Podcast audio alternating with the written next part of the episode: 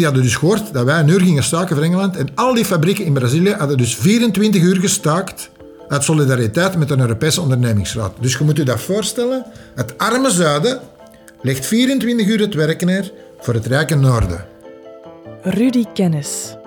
Doet die naam een belletje rinkelen? Hij was een van de trekkers in de vakbond in Opel Antwerpen, voordat die fabriek gesloten werd in 2012. Rudy, dat is een arbeider en een syndicalist. Hij is ook lijsttrekker voor de PvdA voor de Europese verkiezingen. In deze podcast leer je meer over zijn leven en over zijn engagement. Dus ik heb eerst van mijn 15e tot mijn 18e in een heel klein metaalbedrijf uh, gewerkt. Maar dat betaalde niet goed. Ik kon praktisch vier keer zoveel verdienen. Dus mal vier mijn loon bij General Motors. En ik dacht van, ah, bon, uh, dan gaan we maar naar daar. Hè. En dus in 78, 13 februari 78, niet dat ik het onthoud, maar toen ben ik begonnen. 18-jarige Rudy gaat dus aan de slag bij General Motors, meer specifiek bij Opel Antwerpen. De vakbonden laten snel hun oog vallen op die nieuwe jonge gast die ze ontmoeten aan het piket. Het waren ook syndicale verkiezingen. En ze zagen me natuurlijk ook aan het piket staan. Want ik had van thuis uit wel al het een en het ander meegemaakt. Dus de vrijdagstakingen van die tijd. En ze zagen me aan dat piket en zeggen... Ah, we hebben een jonge gast nodig voor op de lijst. Hè, want dat was dan zo, de jongere lijsten tot 25, 26 jaar. En uh, hebben ze mij gewoon eigenlijk uh, ja, gerecruiteerd. Ik ben dan bij de eerste sociale verkiezingen, in 1983 was het dan, en ben ik uh, gelijk uh, verkozen geweest.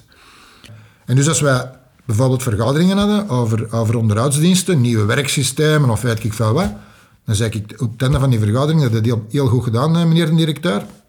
Maar ik kon daarna met als mensen van onderhoud en dan gingen we binnen en vroegen wat, wat denkt u ervan? En als die mensen dat afschoten, die, gaven ook 20, 30 argumenten waarom ze dat afschoten. Want ik dacht soms, echt waar hè, ik dacht echt zo van, maar het is toch een goed akkoord? En dan ging dat naar de mensen en zeiden, ja maar Rudy, je denkt niet aan dat en die verlofplanning, en, dat komt dan zo uit en dan gaat je dat probleem krijgen, omdat die mensen gewoon in die wereld zitten. Dus, allee, ja. Dat, dat heeft ons gemokt dat we, dat we sterk waren. Niet, niet omdat Rudy of een andere gast uh, heel hard kan roepen, of heel hard, nee, nee. Ik heb er zoveel verdiensten aan dan, dan, allee, dan al die andere mensen. Hè. Want die doen het tenslotte, allee, die moeten maar gewoon geloven op mijn woord. Ik weet misschien nog waarom dat ik het vraag. Maar die mensen niet altijd. Als ik zeg, de fabriek moet na plat op een kwartier, dan moeten die... Allee, hadden we eerst nog moeten discussiëren, ja, maar en waarom moet ik dat? Maar die wisten van, als die dat zijn, dan is dat nodig. En ik wist ook van, als ik dat vraag, die mannen gaan dat doen. Omdat, omdat er een vertrouwensband is. En dat is iets waar je jaren moet aan werken. Ik mag zo'n ster, ik mag zo sterke zijn, ik mag zo hard kunnen roepen als ik wil, zo goed onderhandelen. Als ik achter mij geen organisatie heb van delegaties, van militanten en vooral van de mensen zelf, dan ben ik niks, hè? dan ben ik nul. Het syndicaal werk gaat Rudy goed af. Hij haalt fotoalbum na fotoalbum boven met artikels over succesvolle stakingen, onderhandelingsteksten en pamfletten. Maar wanneer we aan 2010 komen, worden de artikels wat minder vrolijk. General Motors wil de Antwerpse Opel-fabriek sluiten. Men zegt op een bepaald moment, hè, dag X, die een dag komt, je weet dat.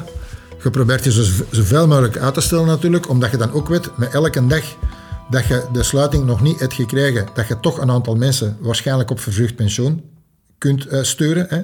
En dus uh, de dag komt en dan kun je twee dingen doen. Je kunt onmiddellijk dat fabriek platgooien.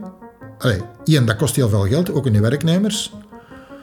En twee, als je een overnemer wilt voor dat bedrijf, dan kan je wel niet komen zien hoe dat bedrijf werkt, want de fabriek ligt stil.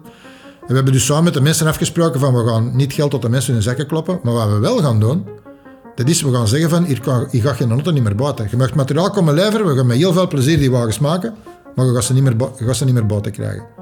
En we hebben dus zo'n kapitaal opgebouwd van een 5000 wagens die er maximaal uh, konden, konden staan. Om dan op laatste van de rit weten we dat we sowieso zullen moeten onderhandelen voor een sociaal uh, plan. Ja, je moet nog wel hebben, een stok hebben met te kloppen. Hè. Ja, uiteindelijk is het geworden wat het is, maar ik denk wel dat we heel veel mensen recht in de ogen kunnen zien om te zeggen van oké, uh, we hebben General Motors dan toch gedwongen om tenminste die verantwoordelijkheid te nemen en te zorgen dat je financieel toch een beetje... Uh, dat is het verhaal. Ja, dat is het verhaal van de sluiting van Opel. Het was een sombere tijd. Toch heeft Rudy ook wel mooie herinneringen aan die periode. Want hij zetelde toen ook al in de Europese ondernemingsraad van General Motors. Een vakbond, maar dan op Europees niveau. Maar waarom was dat eigenlijk nodig?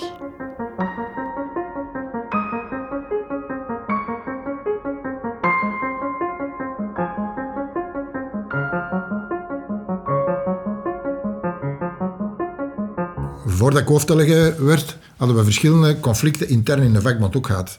Omdat er werden akkoorden gesloten, eventueel zelfs met inleveringen bij en zo, of minder opslagvragen, om toezeggingen te krijgen voor nieuwe investeringen. En dat was een beetje de strategie telkens, dat ze uh, eerst naar Engeland vlogen, bij wijze van spreken, en dan zeggen ze van, ja, uh, we gaan een pers opzetten. Hè? Dus een, een, pers, een perswerk, dus om onderdelen uh, te persen voor wagens te bouwen. En dan zeg ik, ja, maar we weten nog niet goed waar we dat gaan doen. Dat kan zijn dat we dat in België doen, dat zou in Duitsland kunnen, maar dat zou hier ook kunnen. Wat geeft ervoor, op zijn Antwerps gezegd? Hè? Wat heeft u te bieden? En dan, dan, werd er bijvoorbeeld gezegd, ja, normaal zouden we 5% opslag vragen, maar laten we zeggen dat we dat maar 2,5 vragen en dan komt die investering misschien. En die pakten hun vlieger en die vlogen naar Antwerpen en die zeggen, zeg, de Engelsen geven 2% en half, hè? wat geeft de alle? En zo deden dus een tour erop. En op het einde van de rit, wat zagen die? Dat dat ze drie investeringen deden.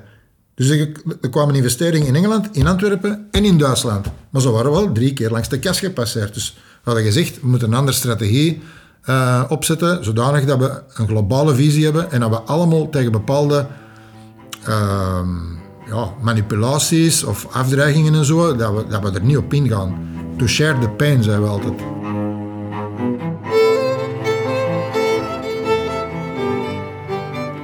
Samen sta je sterker, dat is duidelijk. Maar het was niet altijd even gemakkelijk om dat principe toe te passen in de realiteit. Ze dreigden van de fabriek te sluiten in, uh, in Luton, in Engeland. En we hadden dus gezegd tot solidariteit, kan elk land één uur, één uur staken. En we krijgen dat enorm moeilijk uitgelegd aan ons mensen. Want ons mensen zeggen gewoon van, ja maar, wij rijden allemaal samen. Als mijn collega niet wil staken Hè? Die blijft hier, moet ik een, uur op de parking zitten wachten, maar ik wil wel een uur afgetrokken, want ik ben aan het staken. Die staking, allee, die is wel gelukt, maar geen totaal succes. Maar het fabriek kon niet meer draaien en zo, dus de actie was wel degelijk geslaagd. Twee dagen later begon, begon ik mails binnen te krijgen van de mensen van, uh, van Brazilië. En al die fabrieken in, in, uh, in uh, dingen, die hadden dus gehoord dat wij een uur gingen staken voor Engeland. En al die fabrieken in Brazilië hadden dus 24 uur gestaakt uit solidariteit met een Europese ondernemingsraad. Dus je moet je dat voorstellen. Het arme zuiden legt 24 uur het werk neer voor het rijke noorden.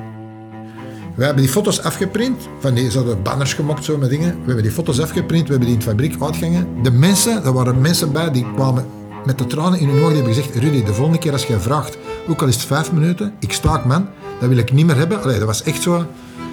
Dat, dat, zijn momenten natuurlijk ja, waar, je het, uh, waar, je het, waar je het verdoet. Maar ik bedoel maar, solidariteit bij ons, dat was geen enkele richtingstraat. Weet je? Solidariteit, hoe meer je erin steekt, hoe meer dat je gewoon terug uh, mocht verwachten.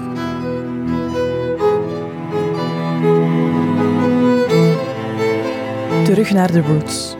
Een paar kilometer van Rudy's huis ligt Noeveren, een vroegere arbeiderswijk waar zijn grootouders woonden en werkten in de steenfabriek, die letterlijk in hun achtertuin lag. En zo was dat eigenlijk bedrijf achter bedrijf achter bedrijf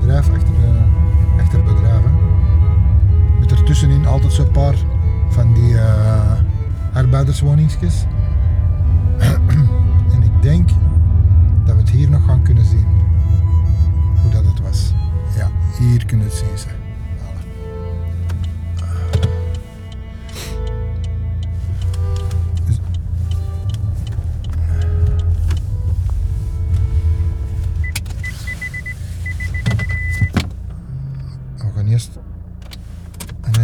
dan komen we terug hieruit en dan kunnen we zien uit die structuur van die huizen loopt.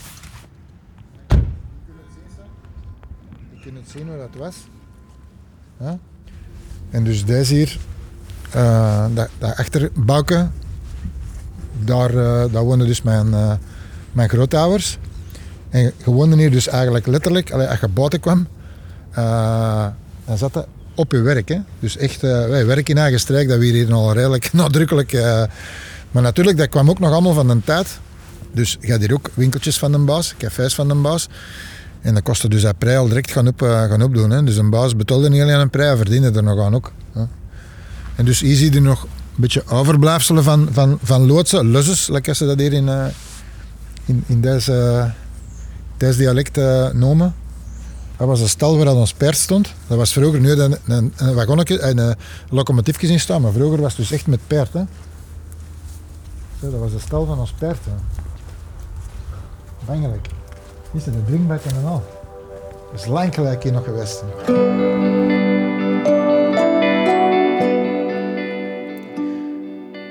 In dit arbeidershuisje beleefde Rudy zijn kindertijd. Hier rondwandelen haalt veel herinneringen boven. Over het leven als kind van arbeiders en over zijn eigen eerste staking. Het was een vrijdagstaking, ik weet al niet meer over wat, hè, want ik was toen een gastje van 15 jaar. En ik vroeg dus aan, aan mijn collega's, want dat werkte toen, denk 26 man of zoiets. Dus vakbond was er sowieso al niet.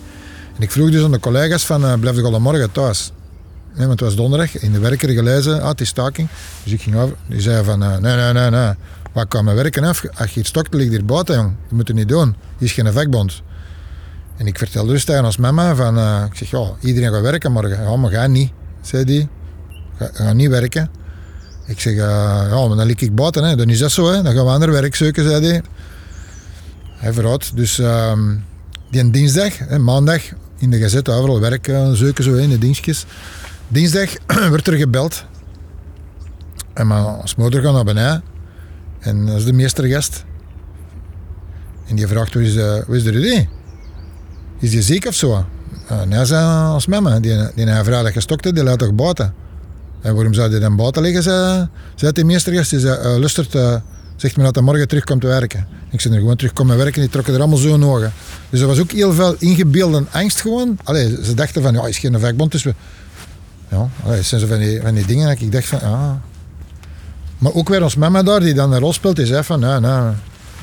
Allee, ze is trouwens er al twee keer afgedankt geweest. Omwille van dat ik geboren ging worden. Dus zij werkte op een pantoffelfabriek. En ze had uh, gelezen in het vakbondsbladje dat ze dus uh, recht had op melk. Omdat die met kool werken, hè, van die zuilen erop te plakken. Dat ze recht had op melk. En ze gingen naar een baas uh, melk vragen. En die baas zei, geef ik geen melk, jong. En die zei van, dan ben ik hier weg. Ik moet kiezen tussen een strontfabriek of zoon, dan kies ik voor mijn kind. Punt. En die was weg. En een paar weken nadien hebben ze die opgebeld voor terug te komen alsjeblieft werken en ze krijgt melk. En dan had ze later had ze eens ontdekt dat ze dus uh, ja, vrouwen hebben fijne handen. En zij mochten dus meer stukken als de man en ze verdienden minder. En ook weer gaan reclameren, het juist hetzelfde leken. Hè. Ja, nee, nee, dat gaat niet. Dan heeft hij gewoon gezegd, salut, ik ben hier weg. Die is niet meer komen werken. Een paar weken nadien hebben ze opgebeld en moesten bij een baas komen. En had hij gezegd, ik betaal evenveel als de mannen op één voorwaarde, dat je zwijgt.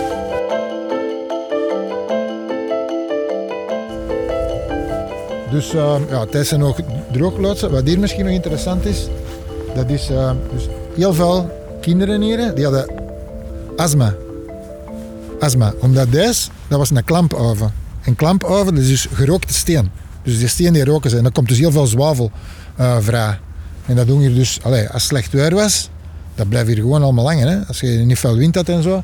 En dus s'avonds, dat, dat proefde echt bitter. Dat was echt... Uh, ja, al die, dat zelf hier ook geproefd. Ja, ja, ja, ja, ja, ja. Dus dat was hier, dat was een, een klamphaven. Dus dat weer dan tot boven helemaal vol, volgestapeld en dan ja, roken, hè, roken.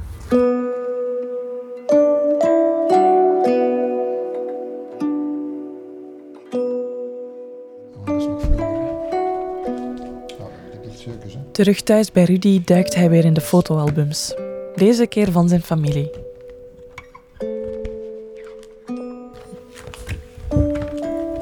Dus dat is de wijk in Nouvre. Dat is, dat is mijn andere grootvader, mijn andere grootouders. En dat is eigenlijk mijn overgrootvader. Ik heb die nog gekend. Die is juist geen 100 geworden uh, toen.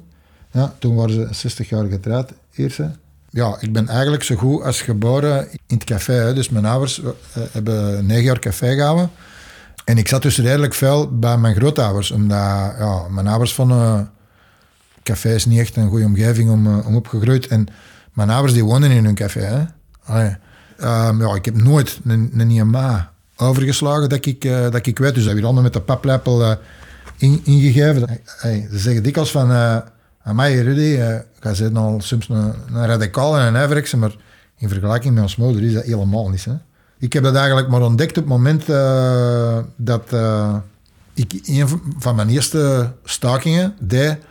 En ze begonnen dus Avanti Popolo te zingen. Hè. En uh, op de deur zo, ik dat zo soms dat je s'avonds naar huis gaat en er zit een melodie toch altijd te draaien. En ik kwam thuis en ik zit s'avonds zo te wachten voor tijd. En ik, ik begin dat zo... Uh, en ons mama is in de keuken uh, eten aan het gereed maken. En die zegt de eerste van... Uh, weet je, weet dat dat gaan zingen? Hebben je dat gehoord? Van waar komt dat?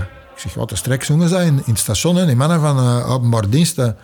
Van die papa, dit en dat. Zei, ah, en dan heeft hij me dus heel dat verhaal verteld van waar het kwam en dit en dat. Ja, dat was, uh, vroeger zei ze van, ja, dat is, uh, dat is een verzetslied, dat is tegen de fascisten in, in Italië, maar ja, dit en dat. Maar in ieder geval, zo bracht ze Madaba. En, en uiteindelijk zegt ze van, je moet goed opletten, want als je dat niet meer zingt tegen elkaar, met elkaar, dat is de enige manier dat ze werkende mensen kunnen, kunnen laten oorlog voeren. Je stond oog in oog met de vijand en je zou dat beginnen zingen hebben, dan zou die andere zeggen, ja maar wacht eens, dat zingen we ook. Dus allee, ik kan op iemand... Dus dat zijn, dat zijn broeders, hè, dat, kan nooit een vijand zijn van mij.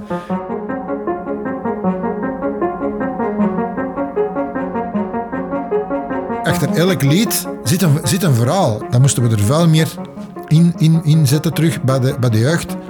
Uh, en dan komt je automatisch terug bij de antifascisme uit. En dan komt je terug in de tijdsgeest van vandaag. En dan weten we dat je moet doen. Dan weten we dat je moet doen. Veel mensen vandaag die, zien van alles gebeuren. Die hebben een hart op een goede plus. Maar die weten niet goed wat, wat, moet, ik, wat moet ik ermee doen. Is er nog iets aan te doen? Allee.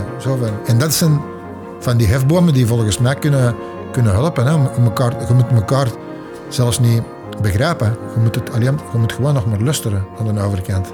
En je ziet van, ja, dat, dat is geen van, dat is een van mij. Die kan nooit niet tegen mij zijn.